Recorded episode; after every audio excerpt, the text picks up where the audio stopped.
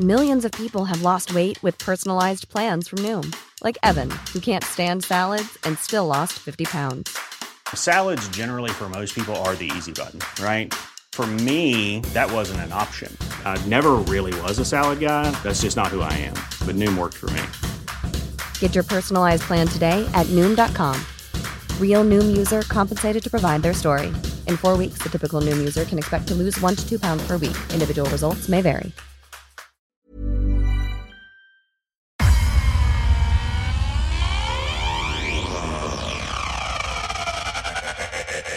I slutet på januari fick Holland uppleva de värsta kravaller som landet sett på närmare 40 år. Protesters set a COVID test center on fire in Urk, north of Amsterdam. Under fyra dagar drabbade demonstranter i över 20 städer samman med polisen. Looted stores, burning cars, clashes with police. De vandaliserade, plundrade butiker och brände bilar.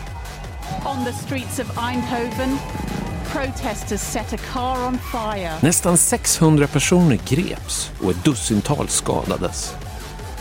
And then rampaged through shops and the train station. Den utlösande faktorn var ett utegångsförbud som infördes för att stoppa den brittiska mutationen. Och för första gången sedan andra världskriget fick ingen vistas utomhus mellan halv nio på kvällen och halv fem på morgonen. Landet hade i praktiken varit nedstängt i månader. Ändå blev vreden extrem.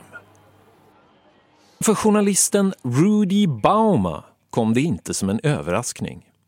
Bauma har länge rapporterat om extremism, desinformation och konspirationsteorier. Hans arbetsgivare vill för övrigt att vi påpekar att han jobbar på tv-programmet Newsur, Nyhetstimmen. Well, it was a surprise that those riots were so severe and so violent. Uh, we haven't seen riots like these in the Netherlands since the 80s, probably, when there were left wing riots uh, that was all about affordable housing. Um, but that that there was a let's say large discomfort among groups in the Netherlands with the corona measures.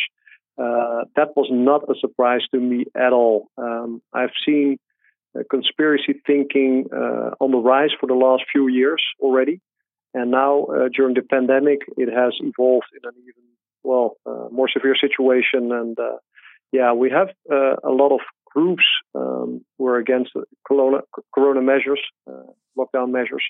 Um, and they have been uh, pretty uh, vivid, pretty um, active the last uh, few months or even the last year. What is was it obvious to you that this uh, it was fueled by conspiracy thinking? Well, um, the people I spoke to um, uh, who were there uh, tell me this. also, I was um, in I was looking into many social media groups of those people uh, during the protest, and you could definitely see that there was conspiracy thinking uh, going on, and also uh, one of the, the, drivers of those protests, definitely.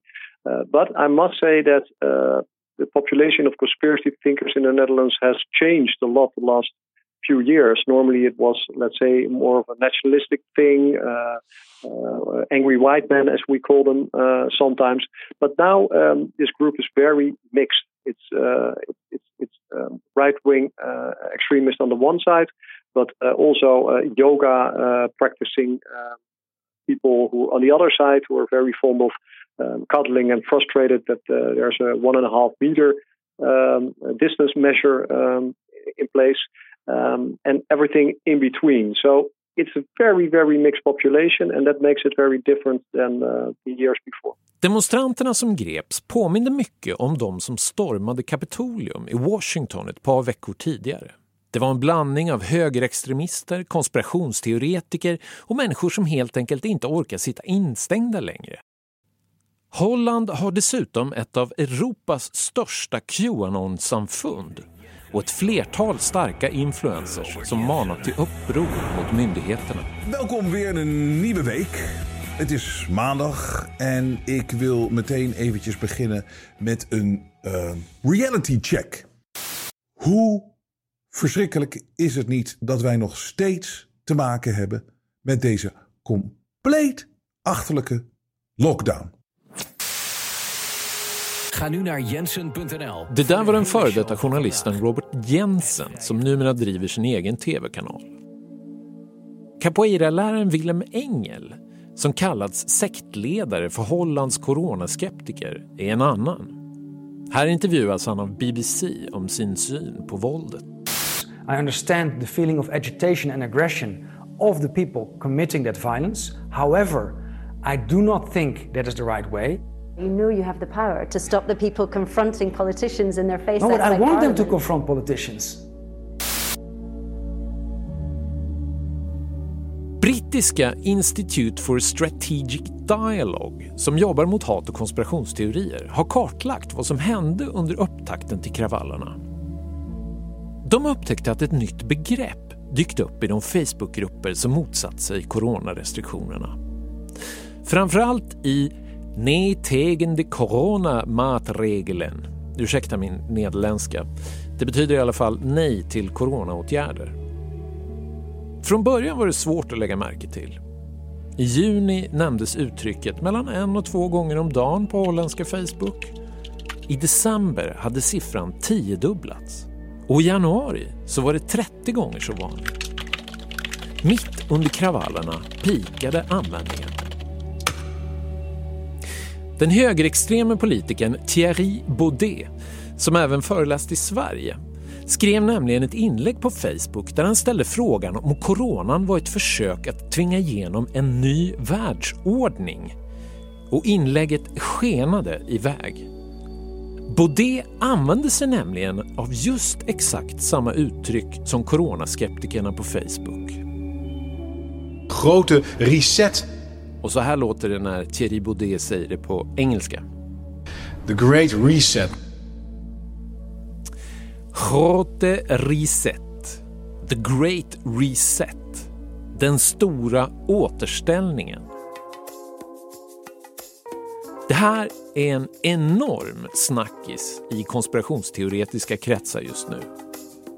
Och inte bara där. After making one video about the Great Reset, we've decided to dive a little bit deeper into what you think and further evidence and your legitimate concern. Här har vi komikern Russell Brand som numera har en egen Youtube-kanal. What is clear, however, Och här predikar den amerikanske kardinalen Raymond Burke om coronaviruset. Is that it has been used by certain forces inimical to families and to the freedom of nations to advance their evil agenda. These forces tell us that we are now the subjects of the so-called Great Reset. Och här diskuteras det av den konservativa kommentatorn Rowan Dean på Murdoch-ägda Sky News i Australien. Regular viewers of the show will know I have been warning about the Great Reset. Och det här det är den anonyma och apokalyptiska konspirationspodden X22. Now, they have no choice at this point. They need to move forward with their great reset. They announced it already. The debt load and what they have done over the many, many years was never meant to go this long. And now the economic system is about to come crashing down. Även den amerikanske konservative tv-profilen Glenn Beck har en åsikt om The Great Reset. So it is, first of all, not a conspiracy theory. Um, it is a conspiracy fact, and I urge you not to go even to my website. Don't don't go anywhere except the World Economic Forum and read it for yourself. Och Glenn har rätt. Det hade varit väldigt enkelt om det här bara var en påhittad konspirationsfantasi som Qanon-idén att alla kändisar är satanister och dricker barns blod.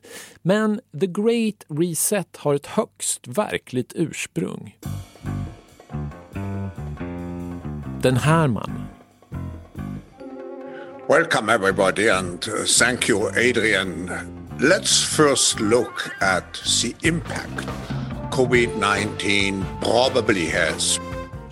Klaus Schwab är en 82-årig före detta ekonomiprofessor från Tyskland som har två väldigt uppenbara egenskaper. Han både ser ut som och pratar som en Bondskurk. Yes, of course, we are still uh, in a situation where we have to fight the virus, but we also have to look at the future, and it's now.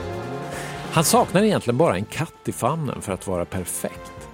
Ett högkvarter i de schweiziska alperna, det har han redan. Varje år arrangerar nämligen Klaus Schwab World Economic Forum i Davos. En omdiskuterad diskussionsklubb för världens rika och mäktiga som gillar att prata om kapitalismen. För tillfället vill Klaus Schwab diskutera pandemin. Och han konstaterade tidigt att arbetslösheten kommer att stiga och vi kommer att få se en argare värld. So um, we have to prepare for a more angry world, and uh, how to prepare? Uh, it means to take the necessary action to create a fairer world. Och efter ett år av död, sjukdom, nedstängningar och arbetslöshet är verkligen vreden stor här i världen. Men vad han inte anade var att väldigt mycket av den där ilskan skulle riktas mot honom själv. Sen starten i slutet på 80-talet har Davos-mötena alltid haft storslagna teman som alla går ut på att världen förändras snabbt och att vi står vid en historisk vändpunkt. The Great Transformation, The Reshaping of the World, New Global Context, Mastering the Fourth Industrial Revolution, New Beginnings, Shaping the Global Agenda, Redefining the Basic Assumptions of the World Economy. Det är liksom så eh, Klaus Schwab pratar. Uh, we are at a, turning point of humankind. I think we should not underestimate uh, the historical significance um, of the situation uh, we are in. Och i juli i fjol släppte Klaus en bok som hette just Covid-19, The Great Reset. The Great Reset. Vilket också skulle bli temat för årets stora Davos-möte som nu skjutits upp till augusti och flyttats till Singapore på grund av pandemin. Och av alla rubriker om reshaping, transforming och redefining som Klaus spottat ur sig under årens lopp så var det den här som verkligen skulle ta skruv. Schwabs bok satte en snöboll i rullning. Till att börja med bara i internets marginaler. Sen fiskades det upp av konservativa medier som Infowars, Fox News och Russia Today. Sen började världens alla konspirationsteoretiker att sätta tänderna i den. För där har World Economic Forums ledare Klaus Schwab, han har skrivit en bok som heter The Great Reset. Ja, Covid-19, The Great mm, ja. Reset. Så man tar det här som avstamp för en, en total förändring av, ja. av världen. Och nu, i början på 2021, har det hela utvecklats till en teori om att vi står inför ett hot om en total världsdiktatur. Faran är så pass akut att konspirationsteoriernas superstjärna Alex Jones nyligen kände sig tvungen att åka runt i en högtalarbil i Austin, Texas för att varna allmänheten.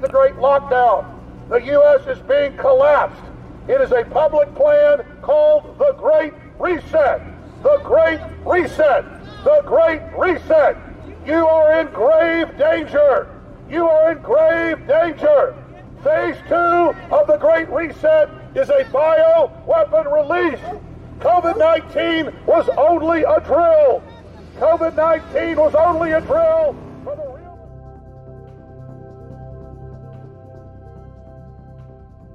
Ja, nu var det bättre.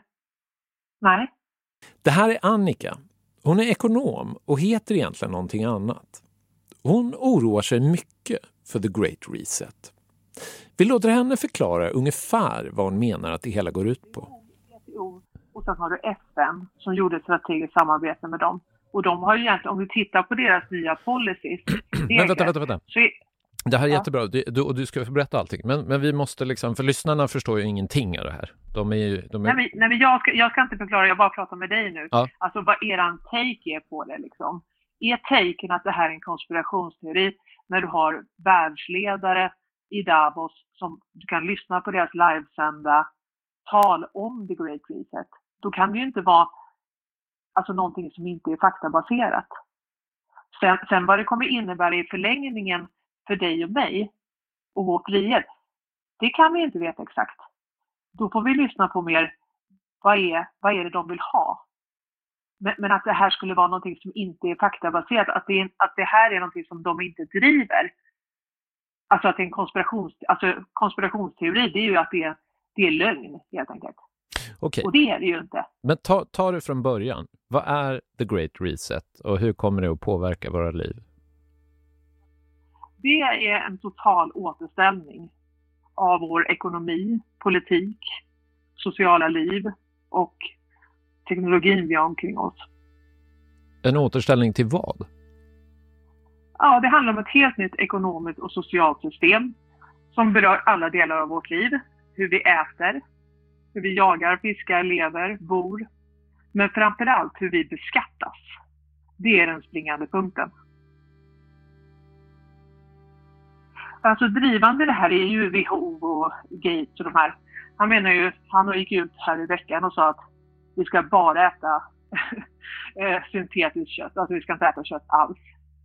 Eh, men, men det är inte det viktiga. Det viktiga är att din skuld till samhället, det ska du digitalt beskattas för direkt. Och om du inte bidrar till, socialt till samhället, då ska du beskattas för det också. Så det här är en helt ny intäktskälla. Där du har en procent av befolkningen, globalisterna, som sitter och egentligen beskattar hela världen för hur vi påverkar klimatet. Typ att de äger jorden. om, om vi tittar på eh, globalismen kontra folket. Eh, så att de här som pushar det här då, personen bakom The Great Reset är ju Carl Schwab. Och han har ju då startat Klaus, World Economic kan vi säga. Forum. För, för Ja, Klaus. ordningens skull. Ja. Eh, och han har ju då eh, han har då skrivit böcker om den fjärde industriella revolutionen. Och hans idé är ju alltså ett samhälle med AI, robotar och typ att vi som människor ska slås ihop med en maskin. Alltså vi blir teknologiska varelser. Så att eh, Agenda 2030 då som vår regering och Sveriges regering pushar väldigt hårt som är FNs 17 klimatmål som innefattar massa olika delar. Vi kommer inte ha någon hunger, vi kommer eh, och mycket det här med klimatet och jämställdhet och så. Eh, där har man ju liksom delegerat vissa delar så att man kan säga att The Great Reset och Agenda 2030 har ju blivit ett och samma tillsammans med Parisavtalet. Så du har ju egentligen alla de här globala organisationerna eh, som eh, FN, WHO, WTO, IMF och hela centralbankssystemet. Allt, allt det har ju gått ihop i en gemensam vision. Eh, och om du tittar på, det finns ju ett antal världsledare som har sagt att de inte kommer att delta i det här. Eh, och det är ju USA, Ryssland och Kina som menar på att, att det här kommer leda till ett totalitärt socialistiskt styre som vill kontrollera alla delar av vårt liv.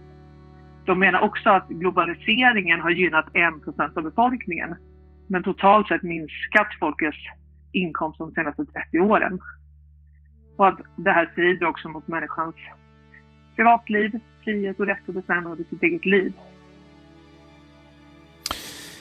Men vad, vad, vad är den stora oron här? Alltså det här låter ju som en helt normal eh, politisk debatt.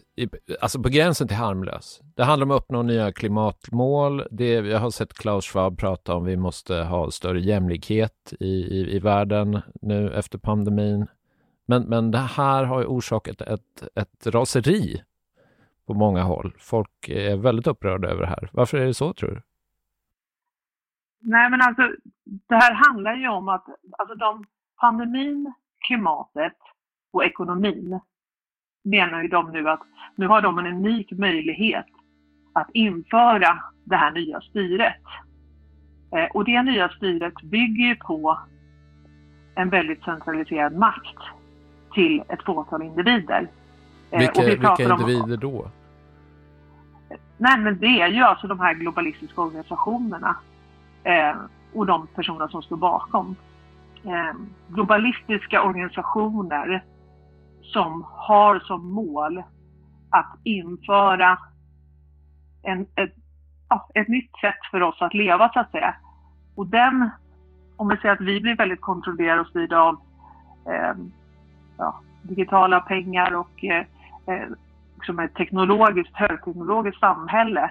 För att i deras vision, de har ju en vision med åtta, åtta mål eller åtta förutsägelser för 2030, alltså Agenda 2030. Och då är det ju att vi ska inte äga någonting, men vi kommer vara jättelyckliga ändå. Så vi kommer inte ens äga våra kläder, utan om du ska laga mat, då kommer det komma saker till dig med en drönare. Och det här har till och med alltså Putin och, och de, de har till och med skrattat åt det här och säger att det här, eh, det här kommer aldrig fungera och det här anstår inte ett modernt ledarskap. Utan våra värderingar, familjen och liksom folkets frihet, det är det som är framtiden för att minska polarisering. Annars är vi ju i en diktatur så att säga, alltså en, en världsdiktatur och, och det kanske inte Men det, det, är några grejer jag undrar här över. Alltså dels eh, Putin. Han, han är emot det här då? Eh, Putin, Putin är emot det här och eh, Xi i Kina är emot det här och eh, Trump är emot det här. Ja. De har ju samarbetat också kring och det, är många länder som, som inte är med i det här. Och det är ofta de världsledare som kallas för diktatorer, lustigt nog. Men de tycker att deras folk och deras frihet och deras sätt att leva är det som, som de vill satsa på för sina länder framåt. Eh, så Trump sa också att globalismens tid är över. Utan nu är det tid för patrioter att älska sitt land och att se till sitt folk i första hand och att det, det, det är det alla länder ska göra. Wise leaders always put the good of their own people and their own country first. The future does not belong to globalists. The future belongs to patriots. Trumps tal i FN 2019 gjorde stort intryck på de som fruktar att coronan kommer att innebära en ny världsordning.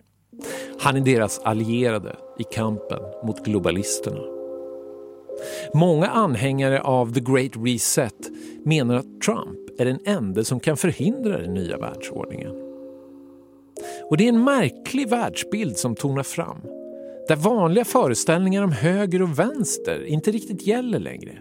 Det finns goda kapitalister, Trump, Putin och en smula förvånande Xi Jinping, ordförande i Kinas kommunistparti.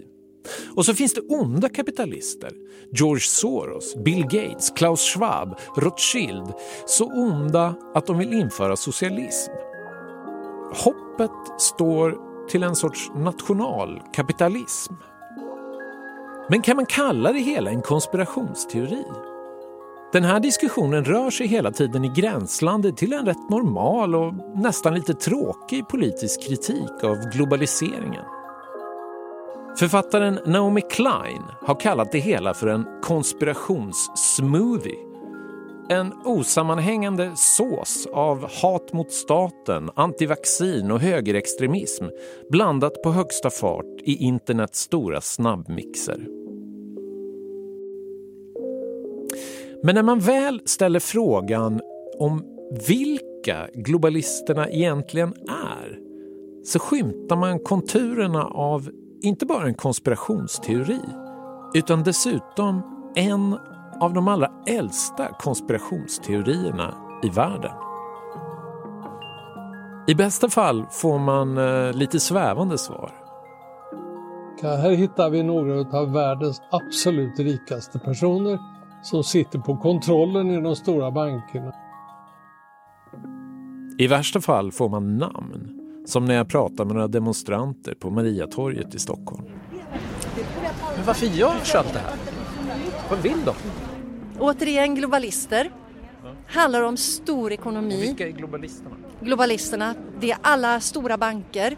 De som styr banker. Eh, Soros, eh, Rockefeller, eh, Rothschilds. Eller när man lyssnar på Lars Bern i konspirationskanalen Sveb-TV. Och bakom kulisserna finns även bankirfamiljen Rothschild.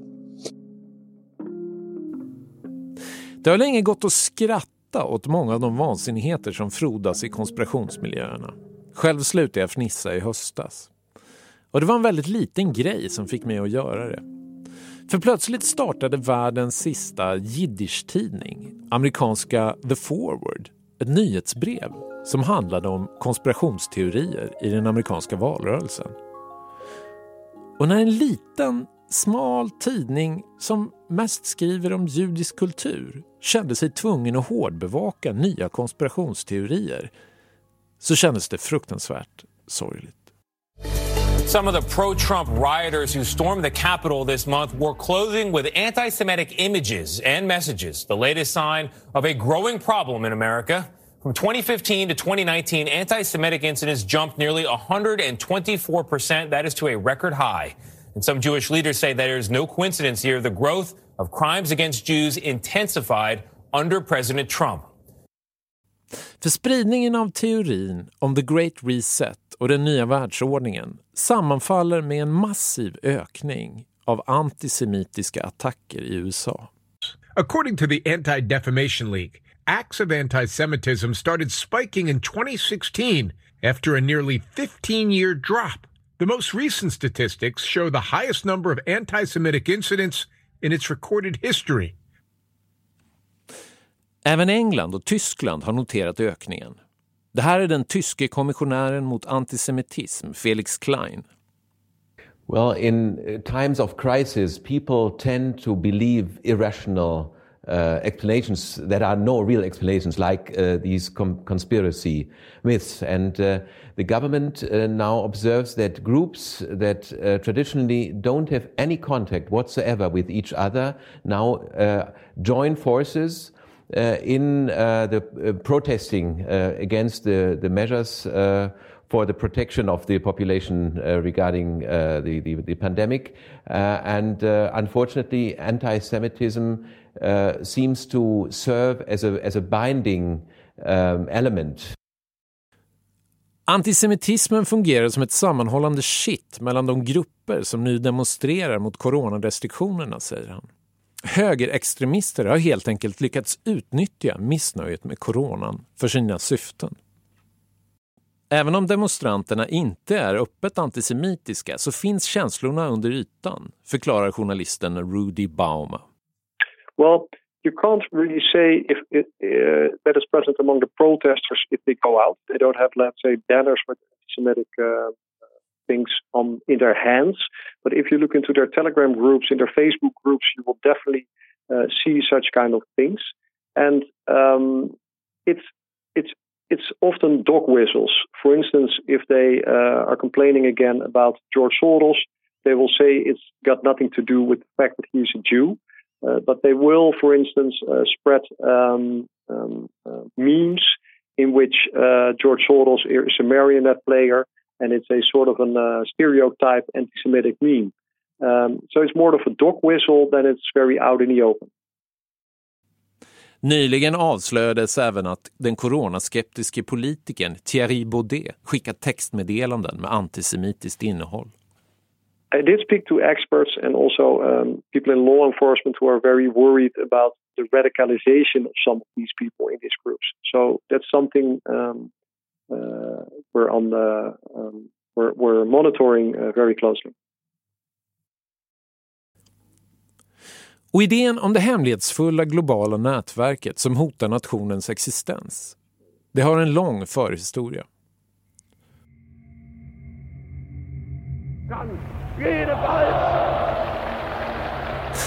I november 1933 så talar Adolf Hitler i industriföretaget Siemens dynamofabrik i Berlin.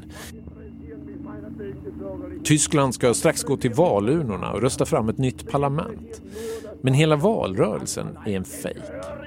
Nazistpartiet har redan förbjudit all opposition. Och endast nazipartiet och godkända stödpartier får stå på valsedeln. Produktionen i hela Tyskland stoppas och talet direktsänds i radio. Tyskland hotas av fiender, förklarar Hitler. Yttre fiender och inre fiender. Hitler förklarar för de nästan 9000 åhörarna vilka de är. Es ist eine kleine, wurzellose internationale Clique, die die Völker gegeneinander hetzt, die nicht will, dass sie zur Ruhe kommen. Det är en grupp som har särskilda intressen. En internationell klick.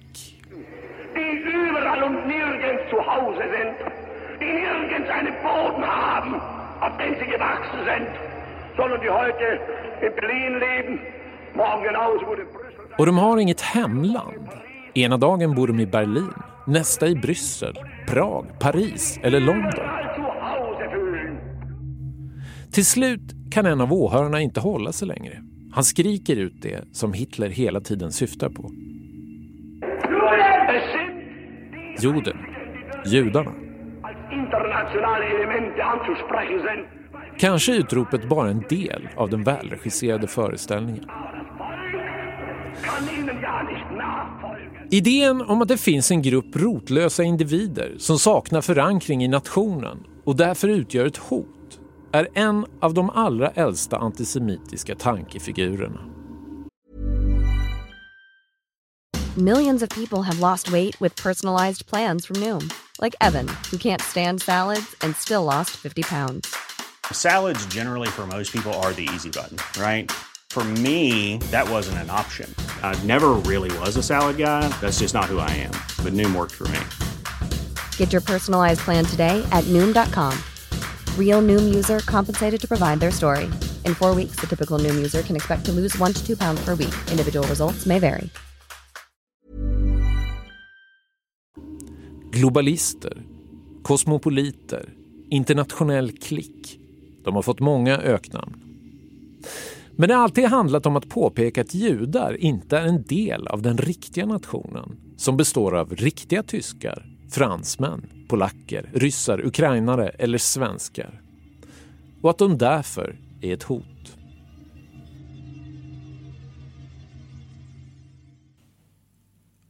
Att förstå vad som ledde fram till förintelsen av 6 miljoner europeiska judar under andra världskriget är idag ett stort forskningsfält. Vår kunskap om de bakomliggande mekanismerna växer för varje år. Men en faktor som inte går att komma ifrån var de extrema antisemitiska konspirationsteorier som spreds innan kriget. Håkan Blomqvist är historieprofessor på Södertörns högskola och författare till boken Myten om judebolsjevismen. Och myten om judebolsjevismen var en av de starkaste konspirationsteorierna som florerade i Nazityskland innan förintelsen. Ja, myten om judebolsjevismen den kan man säga kretsade kring att den ryska revolutionen eh, var ett verk av judar och att den internationella kommunismen styrdes av judar från Moskva. Alltså att den kommunistiska internationalen som hade bildats 1919 eh, det var helt enkelt en, en judisk världsorganisation, en slags hemlig organisation i bakgrunden men som syftade till att ta över världen. Eh, och eh, det här var liksom ingen det här med judebolsjevismen, alltså grunden, det konspirativa här bakom då den föreställningen, det var ju inte egentligen nyuppfunnet efter 1917-18 då med, med ryska revolutionen utan det var kan man säga i någon mening en slags nytt skinn för äldre konspirationsuppfattningar om det judiska. Dels så har vi ju det, det, det gamla kristna föreställningen om alltså de antijudiska föreställningar som kunde finnas inom kristenheten. Och då var det ju att eh, eh till exempel digerdöden, det var judar som förgiftade brunnar och så vidare. Eh, för att helt enkelt eh, Eh, undergräva kristenheten. Eh, för att då i någon mening få makt över samhällena. Och, och det har funnits många sådana eh, myter och, och, föreställningar om det judiska eh, som har kommit från eh, i första hand kristna, ja, kristna cirklar och så vidare. Men det här, den, själva den här äldre antijudiskheten, det är ju den som förändras från andra hälften av 1800-talet, 1870-tal kanske, 60, 70-tal, 80-tal. Det har att göra med också vetenskapens, alltså naturvetenskapernas genombrott och så vidare. Det är då det här, den äldre antijudiskheten blir till antisemitism, alltså när det är mer knutet kring frågan om ras och sociala förhållanden och så vidare. Eh, Eh, så de här mm. gamla myterna, de gifter sig liksom med den nya vetenskapen? Ja, det kan man säga. Mm. Det, det, det, absolut. Och, och liksom kränger på sig nya skinn, så att säga. Eh, och det här med det rent konspirativa, det som låg till grund för myten om judebolsjevismen, ja, det har att göra med, med det här ökända Sion Vises protokoll. Som, som var en, kan man säga, en kompilation, alltså en sammanställning som den ryska säkerhetspolisen och Ochrana gjorde från olika konspirationsskrifter. Och det här är då i slutet på 1800-talet, vid ingången till 1900-talet, i samband med Dreyfusprocessen i Frankrike. Eh, de här eh, konspirationsföreställningarna kom då att knytas till, eh, i det här fallet, den första sionistkongressen 1897 där man påstod då att bakom kulisserna här i den kongressen så konstrueras eh, en sammansvärjning eh, som handlar om att det judiska ska överta världen. Och där blir det så att allt det som är uttryck för modernitet, alltså demokrati, sekularisering, antirojalism och så vidare. Allt sånt kommer då förknippas med den här sammansvärjningen. Ehm, I början på 1900-talet då, jag tror att 1904-5, då är det en, en rysk ortodox präst som heter Sergej Nilus som ger ut en, en, en bok som heter eh, Velikif Malum i Antikrist, alltså det stora i det lilla och Antikrist. Där bifogas de här så kallade protokollen. Och det, härifrån det sen sprids och då 1905, ja det är ju den första ryska revolutionen, ja då är det det judiska bakom den. Liksom, Men det här är en, det är en väldigt medvetet konstruerad uh, myt? Ja, både medvetet, ja det är klart, medvetet på olika nivåer skulle man kunna säga. Därför att de här Eh, Eh, dels har vi ju det äldre kristna eh, eh, antijudiskheten och som sen då som du sa gifter ihop sig med den mer moderna från 1870-talet och sen de här, oh, det finns, det fanns mängder av sådana här skrifter som handlade om, det kunde vara frimurare, det kunde vara andra sammansvärjningar. Och i det, i det sammanhanget så gjordes ju många olika skrifter om just det judiska och, och, och judiska sammansvärjningar. Men det knådas ihop och konstrueras faktiskt som de här så kallade protokollen av den ryska säkerhetstjänsten. Eh, och det är ju väldigt medvetet. Vad vill de åstadkomma? Ja, det de ville åstadkomma det var ju att eh, alltså under tsartiden så var det ganska vanligt att eh, social oro, sociala problem och andra svårigheter kunde skyllas på judarna. Eh, som ju förstås inte var kristna. Och eh, då och då utlöstes pogromer som eh, tidigt 1880-tal då efter mordet på Alexander den tredje. Ja, då var det judarna som låg bakom detta och då utlöses, utlöses pogromer. Och det kan vara från en politisk rörelse som heter Ryska folkunionen eller de svarta hundradena. Ehm, och mer eller mindre spontana pogromer helt enkelt mot judar. Och då blev ju den här Simon Wieses protokoll, det blev som en slags eh, förklaring och ideologi bakom en legitimering av sådana här pogromer, alltså motstånd mot den judiska planen på att överta världsherravälde.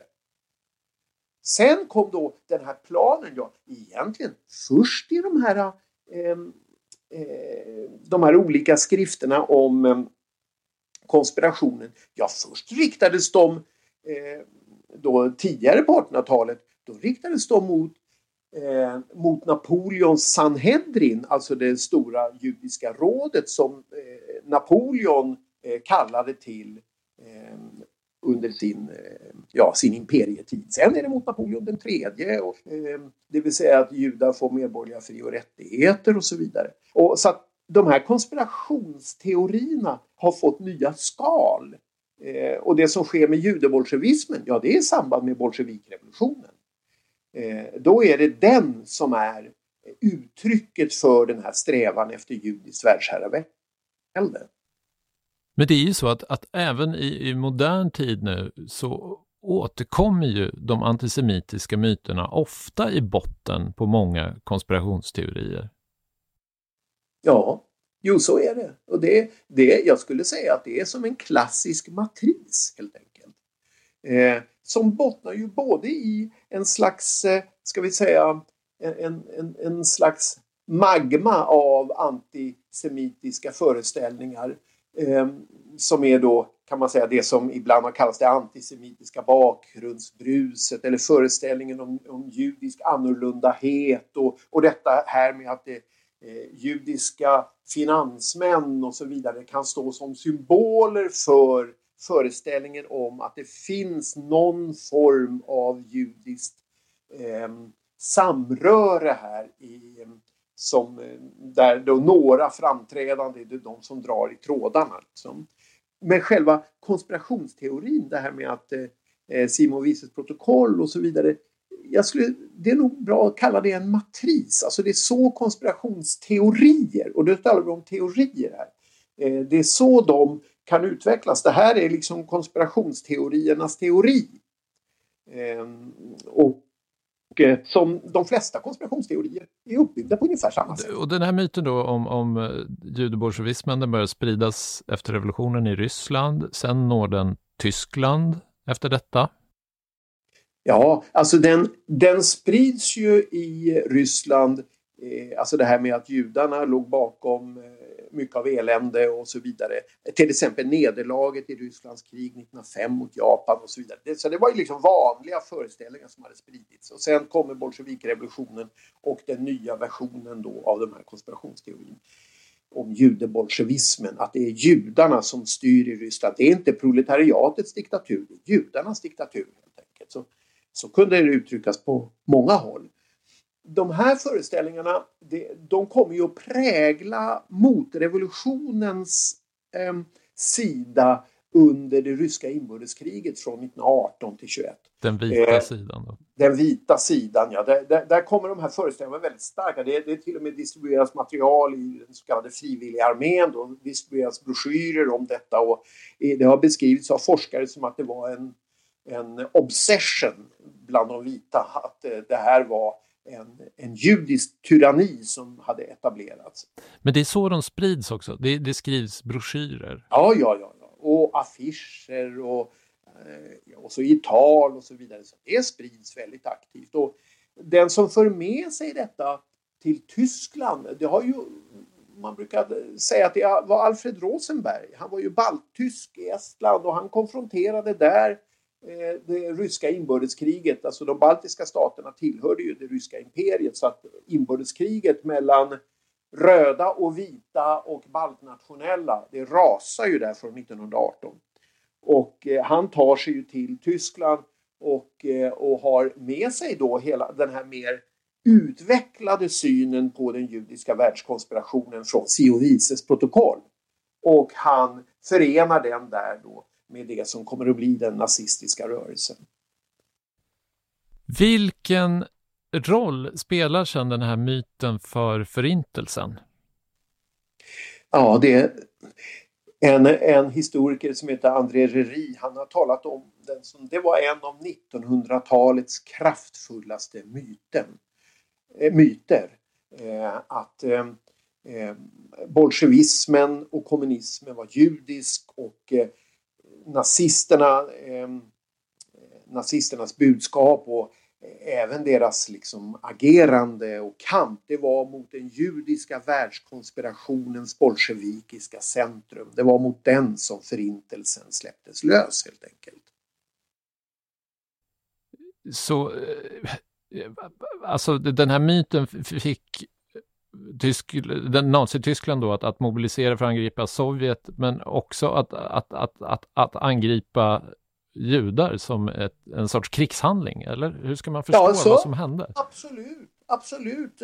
För den som läser eh, Hitlers Mein Kampf, och det är ju redan mitten på 20-talet, där är det, det framställs det en överlevnadssak för den, eh, för den ariska rasen att bekämpa den judiska kommunismen. Eh, så att det judar är bärare av kommunismen, eh, men också av eh, Wall Street och alltså kapitalismen i dess liksom det här med spekulationskapital och så vidare. Därför att det är en arbetsfördelning som sker bakom kulisserna här enligt den här konspirationsteorin. Judarnas strävan efter världsmakt det handlar om att splittra de kristna folken och för Hitler var det ju då att förstöra den ariska rasen. Så, den, så det angreppet sker från olika håll så att säga. Eh, men det mest centrala, eftersom det också gränsade till, alltså till Tyskland här, liksom, så, så nära, det var ju vad som hände i Sovjetunionen och det judisk-kommunistiska maktövertagandet där som de föreställde sig. Så därför var det en överlevnadssak för den ariska rasen att, eh, ja, att besegra judekommunismen eller judebolsjevismen. Men som du sa, enligt de här antisemitiska myterna så styr ju även judar över eh, kapitalismen och, och kontrollerar bankerna. Hur gick de här teorierna ihop? Gick de ihop för, för Nazityskland? Ja, det gick ihop. Det, alltså för oss idag så kan det ju låta... Hur, hur kan man tro att det Mm, alltså att det kapitalistiska USA, liksom storfinansen i USA och bolsjevismen i Ryssland, att det är liksom grenar på samma träd. Men eh, för det första måste man ju komma ihåg att det här är ju den period också när ehm, eh, penningekonomin har fått sitt genombrott och eh, det är en period av där just eh, finansmarknader och så vidare har fått en enorm mycket större betydelse i samhällena. Vi har ju liksom eh, börskraschen eh, 1929 som ett uttryck för vad då det skulle kunna föra med sig. Eh, och eh, sen kan man säga att den nazistiska propagandan la ju ner oerhörda ansträngningar på att visa för det första att eh, finanskapitalism ehm, eh, inte bara var judiskt utan också destruktiv och att den bolsjevikiska makten i Sovjetunionen på något sätt hade samröre med finanskapitalismen. Alltså det fanns ju mängder av då man, man producerade material som visar ja det var egentligen eh, Wall Street som eh, gav ekonomisk support för ryska exilrevolutionärer att åka eh, till, tillbaks till Ryssland 1917 för att störta tsardömet och så vidare.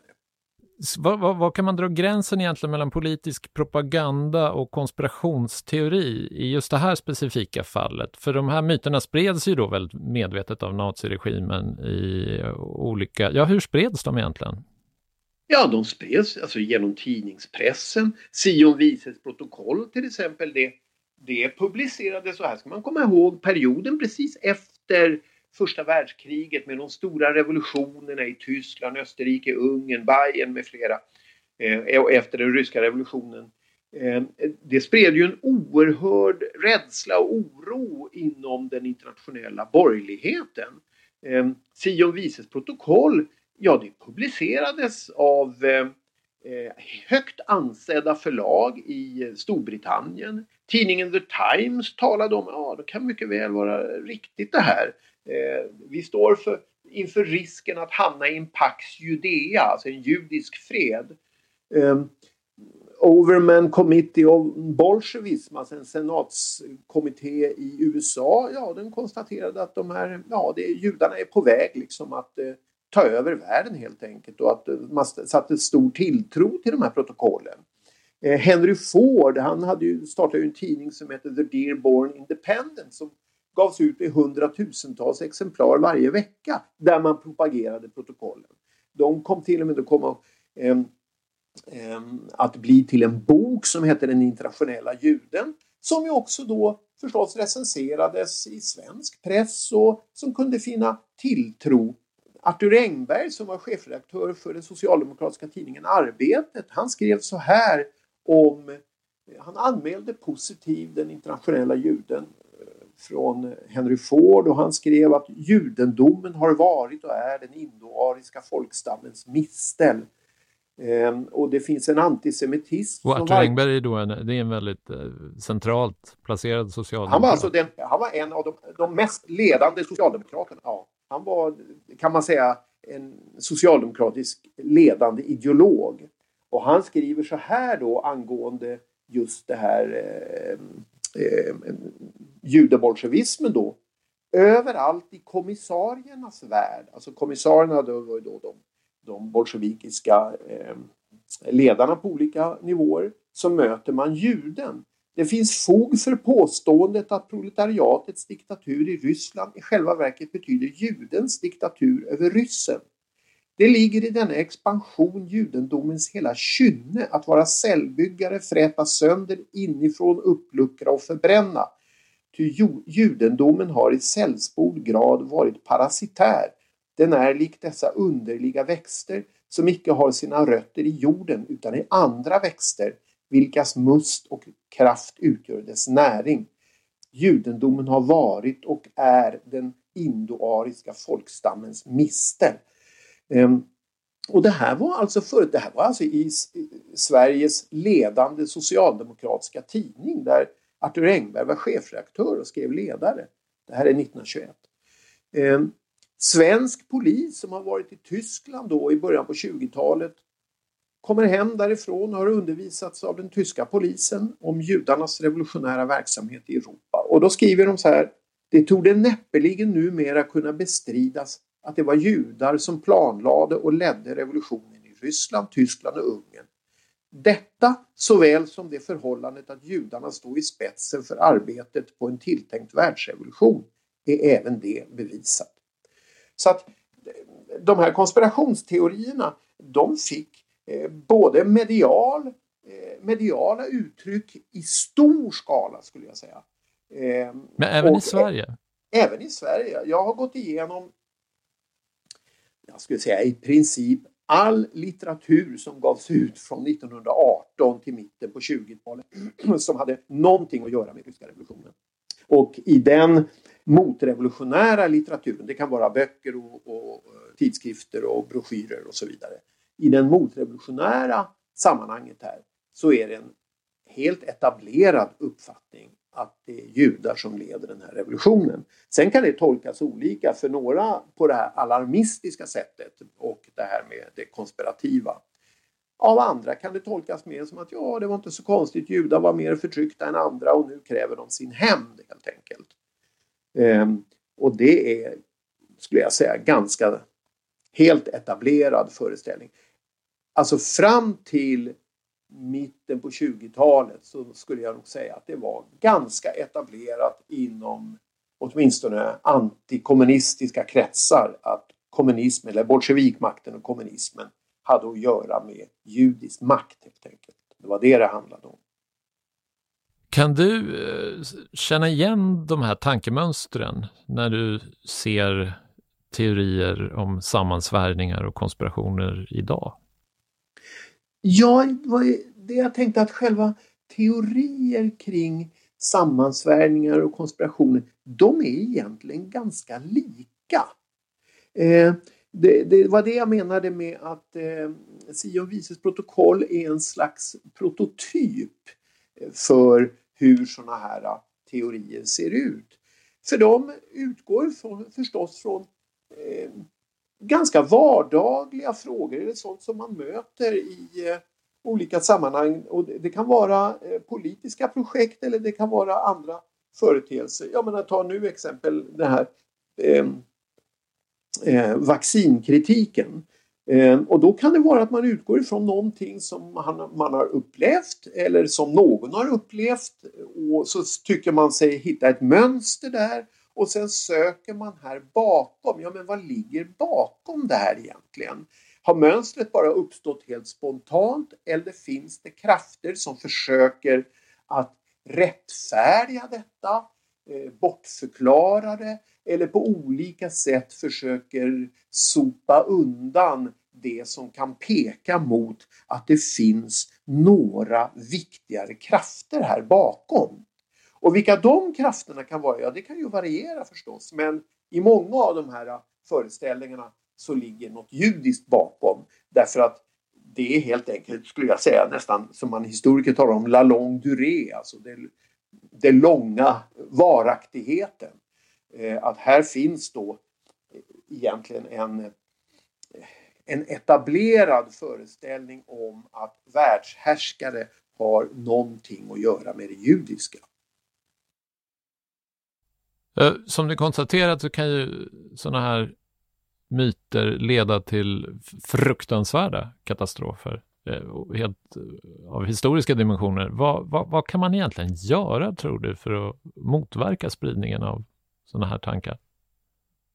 Konspirationsteorier är ju, kan man säga, eh, de är ju inte i sig själva eh, Eh, politik och aktivitet och så vidare. Eh, en del konspirationsteorier och, och sådana här föreställningar, ja, de förblir kvar i ganska små grupper och så vidare. Sånt det kryllar ju av sånt. Eh, men vad som sen blir politik, alltså eh, för ideologi, kanske för politiska partier och sen politik, ja det hänger ju samman med stora samhälleliga förändringar och eh, förutsättningar och möjligheter och så vidare det som hände på den här tiden då med, med myten om judebolsjevismen, ja, det var ju första världskriget och sammanbrotten därefter, upplösningen av samhällsordningar, eh, eh, fruktansvärda lidanden som människor genomlevde och så vidare. Och eh, där kunde detta lyftas fram av då det, här, eh, det som blev nazistpartiet som en, en politisk dagordning och en stark ideologisk övertygelse och så kom det att handla om en politisk kamp under 20 och 30-talet. Skulle den övertygelsen med den här konspirationsteorin i bakgrunden, skulle den segra eller skulle den kastas tillbaks av de krafter som motsatte sig den? Ja, det är väl liknande frågor. Alltså det, då är vi ju på den politiska nivån. Man kan ju göra så förstås med konspirationsteorier att man försöker motbevisa dem.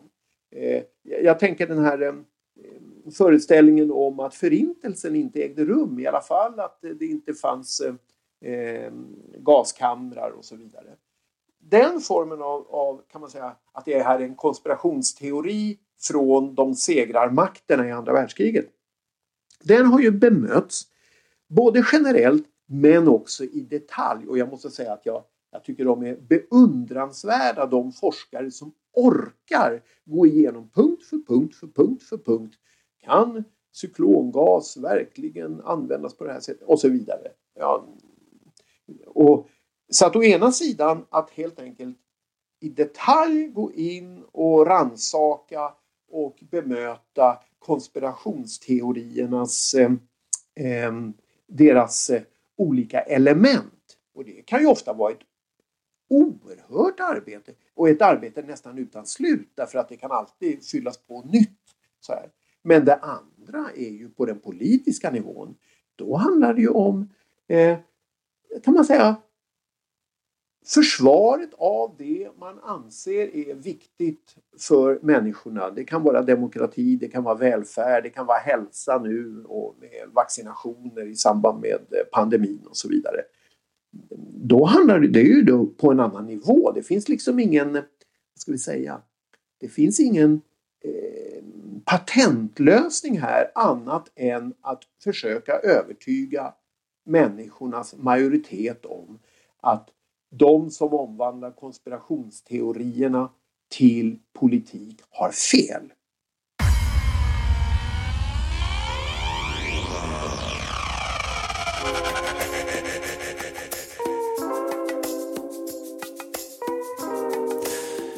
Teorin om the Great Reset ekar av myter från det förflutna.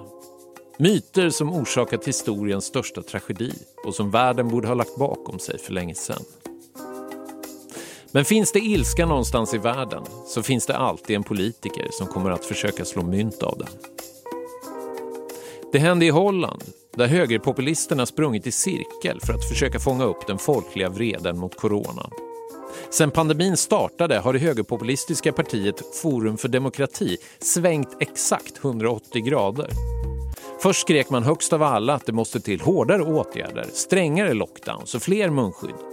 Knappt ett år senare skriker de att coronan är en bluff, att vaccinet är farligt och hetsar fram kravaller mot myndigheterna. Det är svårt att vara populist ibland. I mars planeras ett flertal demonstrationer som påminner om de holländska även i Sverige. Den 6 mars hålls den första. Men parollen är väldigt blygsam. För frihet och sanning. I Facebookgruppen klagar någon över att den är så oerhört diffus. Varför säger vi inte bara att pandemin är en bluff? Det är för att vi inte ska bli utkastade från Facebook, förklarar någon annan. Det är bättre att vara för saker än mot om man ska överleva på Facebook. Så fort hatet sipprar fram så stängs man ner. Uttryck kärlek istället. Den stora vreden i världen är för tillfället förklädd i kramar och hjärtemojis.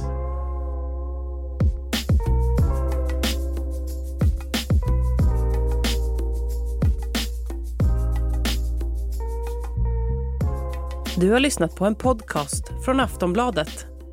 Ansvarig utgivare är Lena K Samuelsson.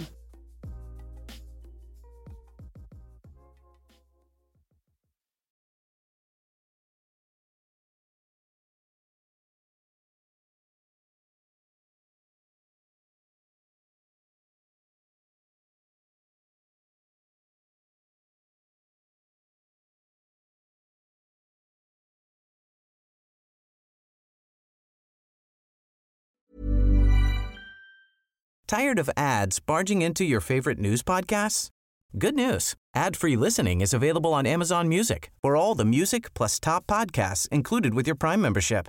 Stay up to date on everything newsworthy by downloading the Amazon Music app for free or go to amazon.com slash news ad free.